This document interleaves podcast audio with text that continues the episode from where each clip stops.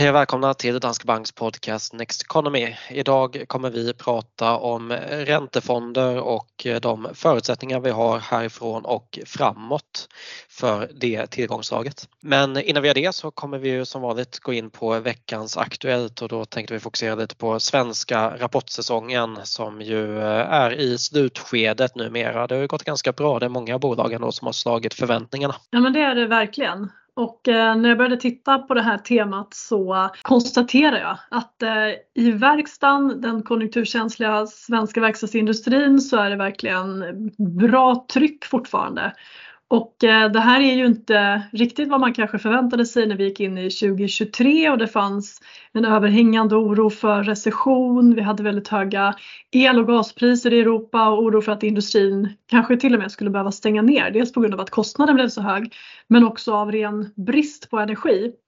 Men sen var ju förra kvartalet eh, bra och nu under Q1 då så har ju flera bolag bjudit på riktiga skrällar. Och eh, först ut var Volvo som kom med en omvänd vinstvarning redan veckan innan rapportsäsongen drog igång. Och man tjänade ju ja, ungefär 5 miljarder mer än förväntat och orderingången var jättefin. Så att det här höjde ju temperaturen rejält för övriga bolag då. Men sen har vi ju sett att fler levererat. Eh, Atlas Copco rusade 15% på rapportdagen vilket får betecknas som väldigt mycket för ett så stort och eh, välanalyserat bolag. Och även ABB då, där VD inte kunde sluta använda ordet starkt när han pratade om hur kvartalet hade varit då. Sen mm. kan man titta på prognoserna också, men de är överlag också ganska optimistiska. Man väntar sig att efterfrågan är åtminstone oförändrad framåt och då är den ju redan hög ska man komma ihåg. Och det här mm. att orderingångarna växer i motsats till att de i fler fall väntades falla är också bra därför att det säger någonting om försäljningarna även kommande kvartal. Sen kan en order dras tillbaka men indikationen är ju att det fortfarande är bra fart i hela svenska verkstadsindustrin. Vi har ju eh, storbanker som eh, fortsätter leverera också. Vi hade ju det här eh, debaclet i USA med Silicon Valley Bank och nu fick vi ju ännu en konkurs där, eller ett uppköp i alla fall i USA. Men bankerna här i Sverige fortsätter ju gå bra. Ja men de släpper också fina rapporter och man gynnas ju framförallt av att räntorna är högre och för svensk och europeisk del så har ju nollräntor och minusräntor under många år varit en rejäl motvind för intäkterna därför att hela räntebenet har ju varit eh, icke lönsamt då. Men sen har vi ju inte sett någon större belöning för det här i aktiekurserna utan det har nog varit ganska väl inprisat att det skulle vara bra bankrapporter och kanske också att det här är en lite tillfällig sweet spot innan risken ökar för att man gör mer kreditförluster på grund av stigande räntor. Och sen är ju då också inlåningsräntorna trögare. De hänger inte med upp på samma sätt som, som utlåningsräntorna gör eh, med marknadsräntorna. Så att under en period då så tjänar ju bankerna mer på inlåningen men sen i takt med att konkurrensen om sparpengarna ökar och man får betala lite högre räntor så eh, blir det inte lika lönsamt längre. Så att man ser väl att just nu så går det väldigt bra men kanske att den här effekten då är avtagande och att det redan var, var inprisat. Och sen så tror jag också att det finns väl ändå en liten oro kring det som pågår i USA. Det är inte jättemånga banker som har gått omkull. Ehm, men vi har sett stor oro i bankaktier också senaste dagarna.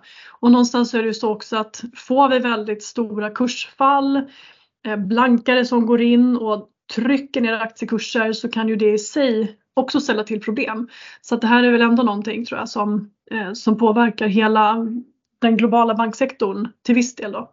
Mm. Och sen om vi ska gå över till svaga rapporter så går det väl sisådär för byggbolag och kanske framförallt de som fokuserar mer på bostadsbyggande. Ja men det gör det. Byggbranschen är ju ett sorgebarn för tillfället och det är inte heller oväntat.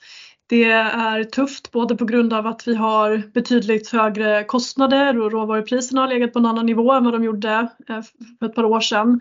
Och sen så har vi högre räntor som gör att det, projekten kostar mer. Och så har vi osäkerheten kring prisbilder också. Och speciellt då på bostäder. Så det är ju få privatpersoner idag som vill teckna sig för en bostad som du ska tillträda om ett och ett halvt år säger vi. Och så vet du inte vad du kommer få för den bostad du äger idag för priset kanske går ner och samtidigt så riskerar du att behöva betala alltså nuvarande marknadspris på den där bostaden om ett och ett halvt år och inte få någon korrigering i värsta fall. Man vet inte vad räntorna kommer vara. Så där är det ju tvärstopp då och eh, det sa ju JM exempelvis också att byggandet tvärbromsar och man sa också att Riksbanken borde ta det försiktigt med räntehöjningarna framåt och vänta in och se konsekvenserna av det här så att man inte orsakar en stor skada på ekonomin någonstans och då kanske speciellt eh, just i, i bygg och bostadsbranschen. Mm. Och det tar ju oss över kan man väl säga till veckans fråga som är Är räntetoppen nära? Och eh, ja, det skulle man kunna säga till viss del för det skulle kunna vara att vi får en topp redan ikväll Eh, Fed kommer alltså med ett räntebesked ikväll och det kan alltså bli den sista höjningen här i deras räntehöjningscykel. Så om man kollar på USA så kan vi vara väldigt nära just nu, eller är det så vi ska se på det? Ja men absolut och just vad gäller Fed så är ju vår prognos är ju att det här är den sista höjningen för den här gången och att man sen kommer ligga stilla med styrräntan på intervallet som då sträcker sig 5 till 5,25 procent. Men eh, vi får se vad Jerome Powell säger om man också börjar signalera att det här nog är den sista höjningen eller om man gör som tidigare att man, man lämnar dörren öppen och säger att det kan bli lämpligt med fortsatta räntehöjningar. Så det är väl en, en lite öppen fråga men jag tror man kan vara rätt säker på att räntetoppen åtminstone är, är nära eh, och mm. kanske för amerikansk del att den kommer ikväll. Sen, sen är ju Riksbanken eh, nästa fråga då. Och man höjde ju räntan 0,5 eh, senaste gången då. Men det som var lite intressant var ju att direktionen var oenig med att lyfta räntan till 3,5 procent. Så att två av ledamöterna ville höja med 0,25 istället redan den här gången. Det vill säga redan nu gå ner till, till en lägre höjningstakt. Och, eh, sen istället då göra några fler mindre höjningar. Och Thedéen pratade också om det. Han röstade för en höjning på 0,5 procent men han pratade också om att man ska ta mindre steg framöver sannolikt då och invänta effekterna lite mer av det man redan gjort och, och kanske vara lite mer försiktig då. Mm. Ja, man, man, lämnar ju också tydligt dörren öppen för att man skulle kunna höja räntan ytterligare om inte inflationen faller som förväntat. Ja, för det negativa är ju att, att eh, alltså det positiva om man börjar med det, det är ju att KPIF-inflationen har sjunkit eh, ganska rejält och det är ju framförallt det måttet de tittar på då, eller det är den där målvariabeln som de har. Så det är ju positivt men det beror ju framförallt då på fallande energipriser.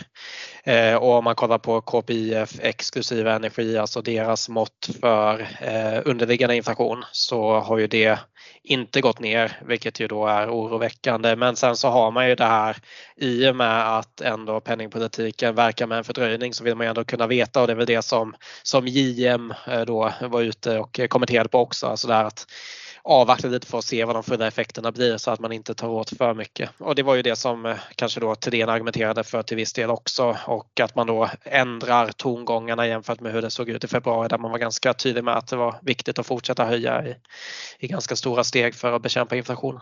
Mm. Och Riksbanken har ju höjt ett antal gånger i, i, stora steg. Ända sedan i höstas så har man trampat på i ganska rask takt med räntehöjningarna.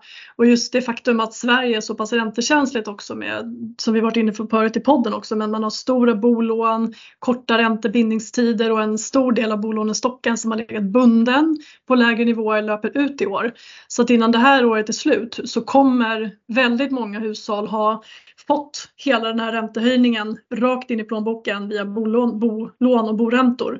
Så att invänta den effekten och se hur det slår mot konsumtionen är nog rimligt. Och just vad gäller svensk eh, detaljhandel till exempel så har vi ju sett väldigt dramatiska fall.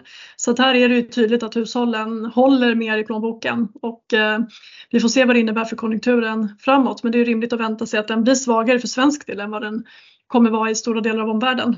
Mm. Det som har hållit uppe är ju både bostadsmarknaden och arbetsmarknaden som ändå är lite förvånande i Sverige hittills. Men eh, det får vi följa fortsättningsvis framöver också. Eh, förutom den här frågan om räntetoppen så fick vi nyligen en annan fråga som handlade om vilka räntefonder man ska investera i och eh, det är ju då delvis ämnet för dagens avsnitt. För vi tänkte gå igenom lite vad som har hänt på räntemarknaden den senaste tiden. Vi har ju haft en period av väldigt låga räntor men sen så fick vi den här kraftiga ränteuppgången. Eh, ja, I början på 2022 var det ju mest kännbart kanske framförallt för eh, investerare i räntefonder. Mm. Ja men då gjorde ju stigande räntor att, att priset på obligationer föll så att det var ju en, en smäll. Men eh, avkastningen de senaste åren har inte varit så jätterolig heller. Eh, I och med att räntorna varit så låga så har räntefonder haft väldigt svårt att ge en avkastning som varit mer än marginellt positiv. Men jag tänker att vi kan ta den här långa bilden av räntemarknaden och eh, om man då går tillbaka ända till 1990 och tittar så har vi ju haft en riktning för räntorna som tydligt har varit neråt med vissa perioder när de stigit lite grann men det har ändå varit en, en lång fallande trend. Och eh, går vi tillbaks till februari 1990 så var den svenska tvåårsräntan över 15 procent. Och som lägst var den i slutet av 2017. Då var tvåårsräntan i Sverige minus 0,9 procent. Så att från drygt 15 ner till minus 0,9 procent eh, under den här perioden. Och då kan man ju fundera på vad innebar det här för avkastningen? För att sjunkande räntor är samma sak som stigande obligationskurser. Och det här gjorde ju faktiskt att om du då ägde en svensk räntefond så fick du en väldigt fin avkastning. Dels därför att vi hade ett högre ränteläge som gjorde att förräntningstakten i obligationen var, eh, fonden var högre men också på grund av att räntorna föll då, vilket gör att, att kurserna på obligationerna stiger. Och eh, från den här början av 1990 till slutet av 2017, det vill säga från räntorna toppade tills räntorna bottnade, så gav ett svenskt obligationsindex en avkastning på ungefär 550 procent. Mm. Så det är en, en fantastisk avkastning. Eh, och särskilt då för tillgångslag som har så pass låg risk och låg volatilitet jämfört med, ja. med vad man får på börsen. För det kan man ju säga också att den här uppgången har ju varit väldigt rak och fin om man jämför med ett börsindex och då blir det ganska enkelt också att anta om man då har levt och investerat under den här perioden att man eh, antar att det är så det ska fungera. Alltså dels då att man får en positiv avkastning från räntebenet men också att den är, alltså räntebenet är väldigt stabilt över tid. Mm. Eh, det gör ju då att när man kommer in i en situation som 2022 eh, här när vi får negativ avkastning så blir det ganska enkelt tänker då att man kanske flyr från tillgångslaget i, ja, vid det värsta tillfället när man inte ska göra det så som man kan se på aktiemarknaden också. Det är mm. väldigt enkelt att vänja sig vid något som har varit och anta att det alltid ska vara på det sättet. Ja. Sen eh, just vad gäller räntebärande då så tror jag att vi har ju vant oss vid att det är någonting som är ganska tråkigt om man får säga det så. Och anledningen är ju just att vi haft så pass låga räntor som har legat stilla på en låg nivå mer eller mindre under ett antal år. Så att där då från 2017 när räntan bottnade ehm, så har det gått ungefär fem och ett halvt år. Och under den tiden så har ett obligationsindex då gett en avkastning på minus 5% Så att har man bara legat i det här eh, OMRX eh, index så har man då förlorat ungefär 1 om året bara på att, på att äga det här. Så att, att ta ränterisk har inte lönat sig utan räntorna har varit låga, det har varit negativt för avkastningen. Sen betyder ju inte det att om man haft en räntefond under den här perioden så har man nödvändigtvis fått en negativ avkastning utan en ränteförvaltare kan göra det bättre. Man kan ta högre risk, man kan aktivt handla olika räntepapper med olika löptider och sådär, precis som man gör på aktiemarknaden. Så att i praktiken så är det kanske inte minus 5% man fått. Men Nej. det är de facto avkastningen i ett, ett index där man inte eh, så att säga, handlat på rörelser eller försökt skapa överavkastning. Ja, och sen har man kanske inte bara haft eh, räntefonder heller då. Man får ju ofta, eller man ska ju fokusera på hela portföljens avkastning över tid och då har ju ändå räntorna, fonderna har ju ändå funnits där av anledningen ofta att det ska bidra med stöd till portföljen. Och även då om vi hade en kraftig nedgång under 2022 här så har det ju ändå under de där tidiga åren också kunnat diversifiera aktiedelen och ge stöd när vi haft nedgångar på aktiemarknaden så man får ändå se det eh, som sagt eh, inte bara isolerat till vad räntefonden eh, har gett utan vad den har gjort för portföljen över tid. Ja, Absolut, men det har ju varit mer kanske att man sett det som någonting som bevarar värde mm, snarare än någonting som, som växer i värde över tid. Mm. Eh, så det har mer varit att du har någonting som, som åtminstone inte faller då om vi får svagare konjunkturutsikter och börsfall. Till skillnad från förut när man hade då den här bättre stötdämpande effekten. När räntorna föll så fick du en större uppsida på, på obligationsbenet. Eh, men nu börjar vi ändå närma oss ett tillfälle där vi faktiskt kommer tillbaka till det. För att vi har ett helt annat ränteläge idag tack vare att Riksbanken och andra centralbanker har höjt räntorna så går det ju att få en avkastning på obligationer. Så att den här trygga delen av portföljen är inte längre bara en, en värdebevarare utan faktiskt också någonting som, som kan ge en viss positiv avkastning. Ja precis och något som man också kan se nu då jämfört med hur det var tidigare för under den här perioden då som du var inne på sedan 2017 och egentligen innan det också det var ju att man var tvungen att gå längre och längre ut på riskskalan för att få avkastning i ränteportföljen. Men eh, man kanske idag då ändå ska utnyttja att det inte är så längre. Alltså även om vi tycker att man ska ha en blandning av olika räntefonder i portföljen, alltså både eh, räntefonder med lite lägre risk och med högre risk, så kan, kanske man ska fokusera lite mer på de säkra räntetillgångarna i dagsläget då. Med tanke på att man inte behöver ta den där extra risken för att ändå få en hyfsad avkastning. Precis och eh, just vad gäller vilken risk man tar i räntefonder så är det ju egentligen två huvudrisker och det ena är ju ränterisken som är kopplad till hur räntorna rör sig. Och den har du ju framförallt om du har då en obligation som består av, av väldigt säkra obligationer där, där risken för att emittenten, alltså den som gett ut de obligationerna ska gå omkull är låg. Då blir det mycket ränterisk utifrån hur marknadsräntorna rör sig. Men sen har du ju då det här med kreditrisken och det är ju den risken som man har varit tvungen att ta under den här lågränteperioden för att få någon avkastning överhuvudtaget. Så att istället då för att man köpt statsobligationer som har gett negativ ränta så har man adderat andra saker. Och dels har vi annat som är ganska tryggt, typ kommunobligationer, bostadsobligationer som har gett lite högre ränta eh, till marginellt högre risk. Men sen så har man ju också då fått plocka in företagsobligationer i mycket högre risk där du har då eh, lån eller krediter utgivna av, eh, av företag då. Och då blir ju din risk, alltså kreditrisken kopplad till att ett enskilt bolag kan gå omkull och det är klart att det är en mycket större risk än om du har eh, en risk kopplad till svenska staten. Ja. Sen är ju många av de obligationer man investerat i, åtminstone i tryggare fonder, eh, kopplade till stora bolag.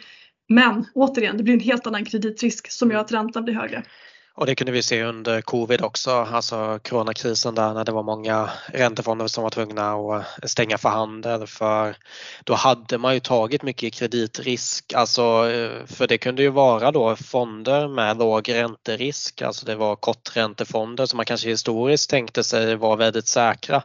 Men här då under den krisen så eh, det var ju fortfarande vissa av de här fonderna som tog väldigt hög kreditrisk då så man kunde investera i de här high kreditobligationer obligationer till exempel, alltså företagsobligationer med låg kreditvärdighet och om det inte finns några köpare, för det är också en risk då förutom ränterisk och kreditrisk så har vi likviditetsrisk, alltså att man inte kan sälja innehavet, det är också en risk när man tänker på räntefonder. Det är inte lika, alltså obligationer är ju kanske inte alltid lika likvida som eh, aktier är, eh, så det är lite skillnad där på räntemarknaden och aktiemarknaden också. Ja, och det är en, egentligen en jättestor skillnad som jag tror att många inte tänker på.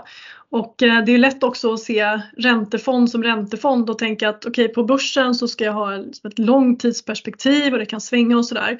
Medan man tycker att, att räntefonder, där ska man kunna ta ut sina pengar på ett annat sätt och eh, inte riskera att, att kursfallet eh, ska bli jättestort under en kortare period.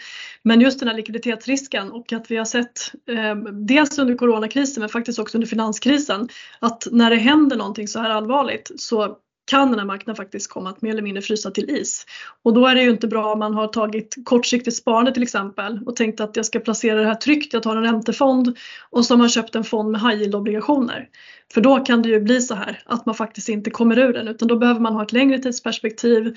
Pengarna som står där det är ingenting som du ska behöva eh, när du ska på semester om, om två månader utan mm. det är mer långsiktigt sparande också. Ja precis. Och vi ger ju inga specifika produktrekommendationer i den här podden. Men jag bara tänker alltså som en övergripande tanke om hur man ska lägga upp det här. Så som jag var inne på tidigare, alltså, dels så kan man ju tänka sig, vi har ju en övervikt i mer säkrare obligationer nu så alltså just nu så kan man ju tänka sig att man har lite mer av de här kanske obligationer som investerar i eh, mera stats och bostadsobligationer som kanske inte tar så jättemycket kreditrisk då. Men sen också då att man investerar i de säkrare krediterna, alltså att man investerar i investment grade obligationer.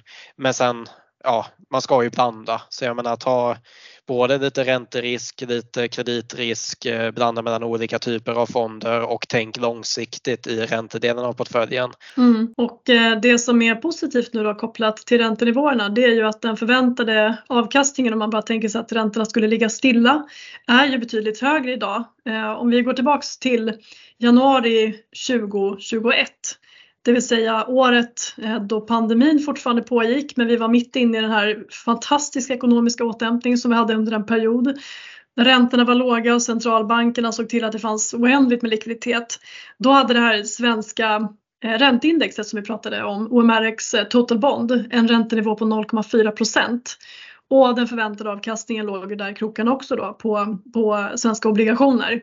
Men nu under 2023 så har räntenivån legat på drygt 3% Så det är den löpande avkastningen så att säga. Och utöver det då, om man tänker sig att man investerar i en, eh, en obligationsfond så blir den förväntade avkastningen lite högre beroende på vad fonden investerar i. Men dels så kan det handla om att man tar lite mer, eh, lite mer ränterisk Ehm, vilket då kan höja den förväntade avkastningen. Men man kan också addera andra typer av obligationer som då eh, bostadsobligationer eller investment grade krediter. Så att i många svenska fonder ligger nu den förväntade avkastningen på eh, 12 månaders sikt ungefär på kanske 4-5 procent istället. Och jämför man det då som sagt med, med ehm, börsen så, som har gett i snitt kanske 8-9 procent historiskt eh, per år så börjar det här bli en ganska bra avkastning till en betydligt lägre risk. Mm. Sen är ju den, den, största risken i räntefond, det är om räntorna skulle fortsätta rusa uppåt för då kommer du få kursfall i obligationer. Men mm. eh, att räntorna ska fortsätta rusa uppåt härifrån eh, bedömer vi väl i alla fall i dagsläget som ganska osannolikt. Men visst på kort sikt så skulle de kunna bli lite högre vilket i så fall är, är samma sak som eh, en viss kurspress och mer kurspress ju längre duration fonden har, alltså ju längre löptiden är på, mm. på obligationerna i fonden. Och, och, det man kan säga också när det gäller ränterisken är ju någonstans också, det handlar ju om tidshorisonten. Alltså om man tänker sig ett långsiktigt sparande där man ska minska aktierisken genom att addera räntefonder, ja då kan det ändå vara ganska bra att ta lite längre duration.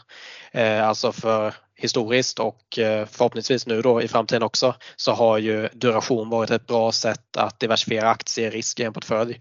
Men är det så att man har ett kortsiktigt sparande, ja men då vill du ta så lite ränterisk och så lite kreditrisk som möjligt. Alltså, eh, så det är nästan, ja då, då, får man ju se då om det, om det är värt att då lägga pengarna i en räntefond eller om man då ska helt enkelt ha dem på ett sparkonto. Mm. Och ska man välja en räntefond överhuvudtaget då så ska man titta på någon typ av likviditetsfond eller mm. en, en korträntefond där ränterörelser inte slår så mycket och där då kreditrisken är låg. Så ja. det, det är ju ett tips. Men som sagt det finns också sparkonto nu som är bra. Eh, bra ränta där, där kursrisken är noll. Mm, eh, så att det börjar finnas fler alternativ än vad det gjort på, på mycket länge. Ja, verkligen. Och vi har kollat på lite statistik på hur det ser ut, alltså hur man har fördelat sina pengar över olika fonder i Sverige, alltså över då aktiefonder, blandfonder, korta räntefonder och långa räntefonder. Hur ser det ut? Ja, faktum är då att om vi går tillbaka till år 2000 som jag gick in och tittade på, jag ska säga också att den här statistiken kommer från Fondbolagens förening. Eh, då hade vi eh, dels ett betydligt mindre sparande totalt sett. Eh, så att idag så har vårt sparande vuxit enormt. Och ehm, en tanke som i alla fall jag hade innan jag började titta på den här statistiken var att det skulle kunna vara så att intresset för räntefonder kan ha minskat då, att vi skulle ha mindre sparpengar i räntefonder till följd av att vi haft så pass många år med, med en låg avkastning. Men tittar man på det här då så hade vi eh, för 23 år sedan, alltså år 2000, hade vi 68% av vårt sparande i, i aktiefonder. Och idag så ligger den andelen på 66% Så den har faktiskt minskat lite grann. Men det man kan se då det är att blandfonder har ökat eh, lite grann. Det har gått från 18 år 2000 till nästan 21 procent idag så det är lite mer sparande som ligger allokerat till, till blandfonder procentuellt sett. Och det är väl egentligen inte så tokigt med tanke på att blandfonder just har både aktier och obligationer så att du automatiskt får den här diversifieringen mellan olika tillgångsslag. Då bara tänkte säga där också att blandfonder är ju ett fantastiskt sparande. Alltså för de allra flesta så att du får en diversifierad portfölj automatiskt genom att bara investera i en fond och då får du olika typer av räntetillgångar. Du får en globalt diversifierad aktieportfölj. Precis. Och sen då om det nu är så att man gillar att eh, spara i aktiefonder, om man inte har blandfonder där man automatiskt får det här så är det bra att ha räntefonder också. Och eh, det man kan se då det är att andelen pengar som ligger i långa räntefonder, alltså som är mer, mer räntekänsliga med längre duration, den har ökat från 7,5% till drygt 8 så att lite mer i långa räntefonder medan korträntefonder då har minskat lite i, i popularitet. Så att där eh, låg andelen tidigare på dryga 6% och nu är det knappt 5. Så att lite mer långa räntefonder men framförallt kanske stora rörelser då eh, mot blandfonder. Så att det är mer dit pengarna har, eh, har hittat. Och som mm. sagt, eh, det, det, är ett, ett bra sparande som passar många och där finns olika risknivåer att välja på också. Jag tänker att en orsak till det här, nu vet jag inte om det tas med här, men eh, robotrådgivning har ju blivit mycket större sedan 2000 också. Som sagt, jag vet inte exakt om det tas med i det här, men det är ju samma koncept där. Alltså där är det ju en typ av blandfonder som ja, bara är något billigare ofta än traditionell, traditionella blandfonder plus att du då måste aktivt göra det själv, alltså själva själva gå igenom den här rådgivningsprocessen så och att du inte får något stöd i förvaltningen under tiden du äger eh, den här eh, robotfonden istället om man säger så. Mm. Eh, så det skulle kunna vara en förklaring men som sagt det är ju en positiv riktning. Mer diversifierade portföljer där ute, det är ju det vi vill se. Precis och eh, som det också blivit mycket lättare att argumentera för tycker jag. Eh, och det är, ju, det är ju positivt att man eh, kan se också att det finns faktiskt en, en uppsida rent avkastningsmässigt. Mm. För det tror jag att det är många, många har saknat det under alla de här åren. Och eh, även om det inte syns i den här statistiken så tror jag att många som investerar själva och kanske inte tar någon rådgivning överhuvudtaget har en tendens att titta mer på aktiefonder. Och vi vet ju också att folk gärna tittar på dels topplistor över vad som har gått bra och tittar man på det så har ju topplistorna över räntefonder kanske inte varit sådär superkul de sista åren så att man har kanske inte blivit så lockad av det överhuvudtaget utan då har aktiefonder verkligen stått ut med en fin avkastning medan räntefonder varit väldigt bleka. Men förhoppningsvis så kan vi få en, se en lite mer eh, rättvis bild eller rättvis avkastningsfördelning framåt som också mm. öppnar upp ögonen för möjligheten att, att sprida riskerna på ett annat sätt. Bra, eh, med det så ska vi gå vidare till eh, veckans eh, tankefel som den här veckan handlar om mentala ankare. Och Eh, Daniel Kahneman och Amos Tversky, eh, de här två psykologerna som har gjort eh, många olika experiment kring hur vi fattar ekonomiska beslut. De gjorde alltså ett experiment med ett gäng studenter år 1974 och här fick varje deltagare snurra en pil på en tavla som hade siffror mellan 0 till 100 och det gjorde de. Men det de hade gjort i experimentet är att de hade riggat det så att man bara kunde hamna på antingen siffran 10 eller 65. Och efter att ha snurrat så fick studenterna frågan om hur stor andel av FNs medlemsländer som ligger i Afrika. Och gruppen som hade fått siffran 10 gissade i genomsnitt på 25% medan de som fick siffran 65 istället gissade på 45 Eh, så vad de fick för nummer hade alltså ingenting med frågan att göra men det påverkade ändå svaret. Egentligen så hade det här själva snurrandet absolut ingenting med frågan att göra överhuvudtaget. Men mentala ankare är alltså ett sätt för hjärnan att ta genvägar och eh, komma fram till ett svar genom att jämföra med något och det kan ju vara positivt för att det förenklar beslutsprocessen. Men effekten vid investeringar är att vi gärna fäster oss vid vad en aktie har kostat tidigare eller vad en investering generellt har kostat tidigare. Men har vi köpt en aktie för 100 kronor så har vi en tendens tendens att anse det, att det är det minsta värdet för aktien oavsett vad ny information säger. Så allt under det värdet anses gärna som undervärderat. Det är alltså enkelt att tro att en aktie som har kostat 100 är köpvärd vid 75, billig vid 50 och ett fynd vid 25 kronor. Men så behöver det inte vara. Aktien kan fortfarande förlora 100% av värdet även vid 25 kronor.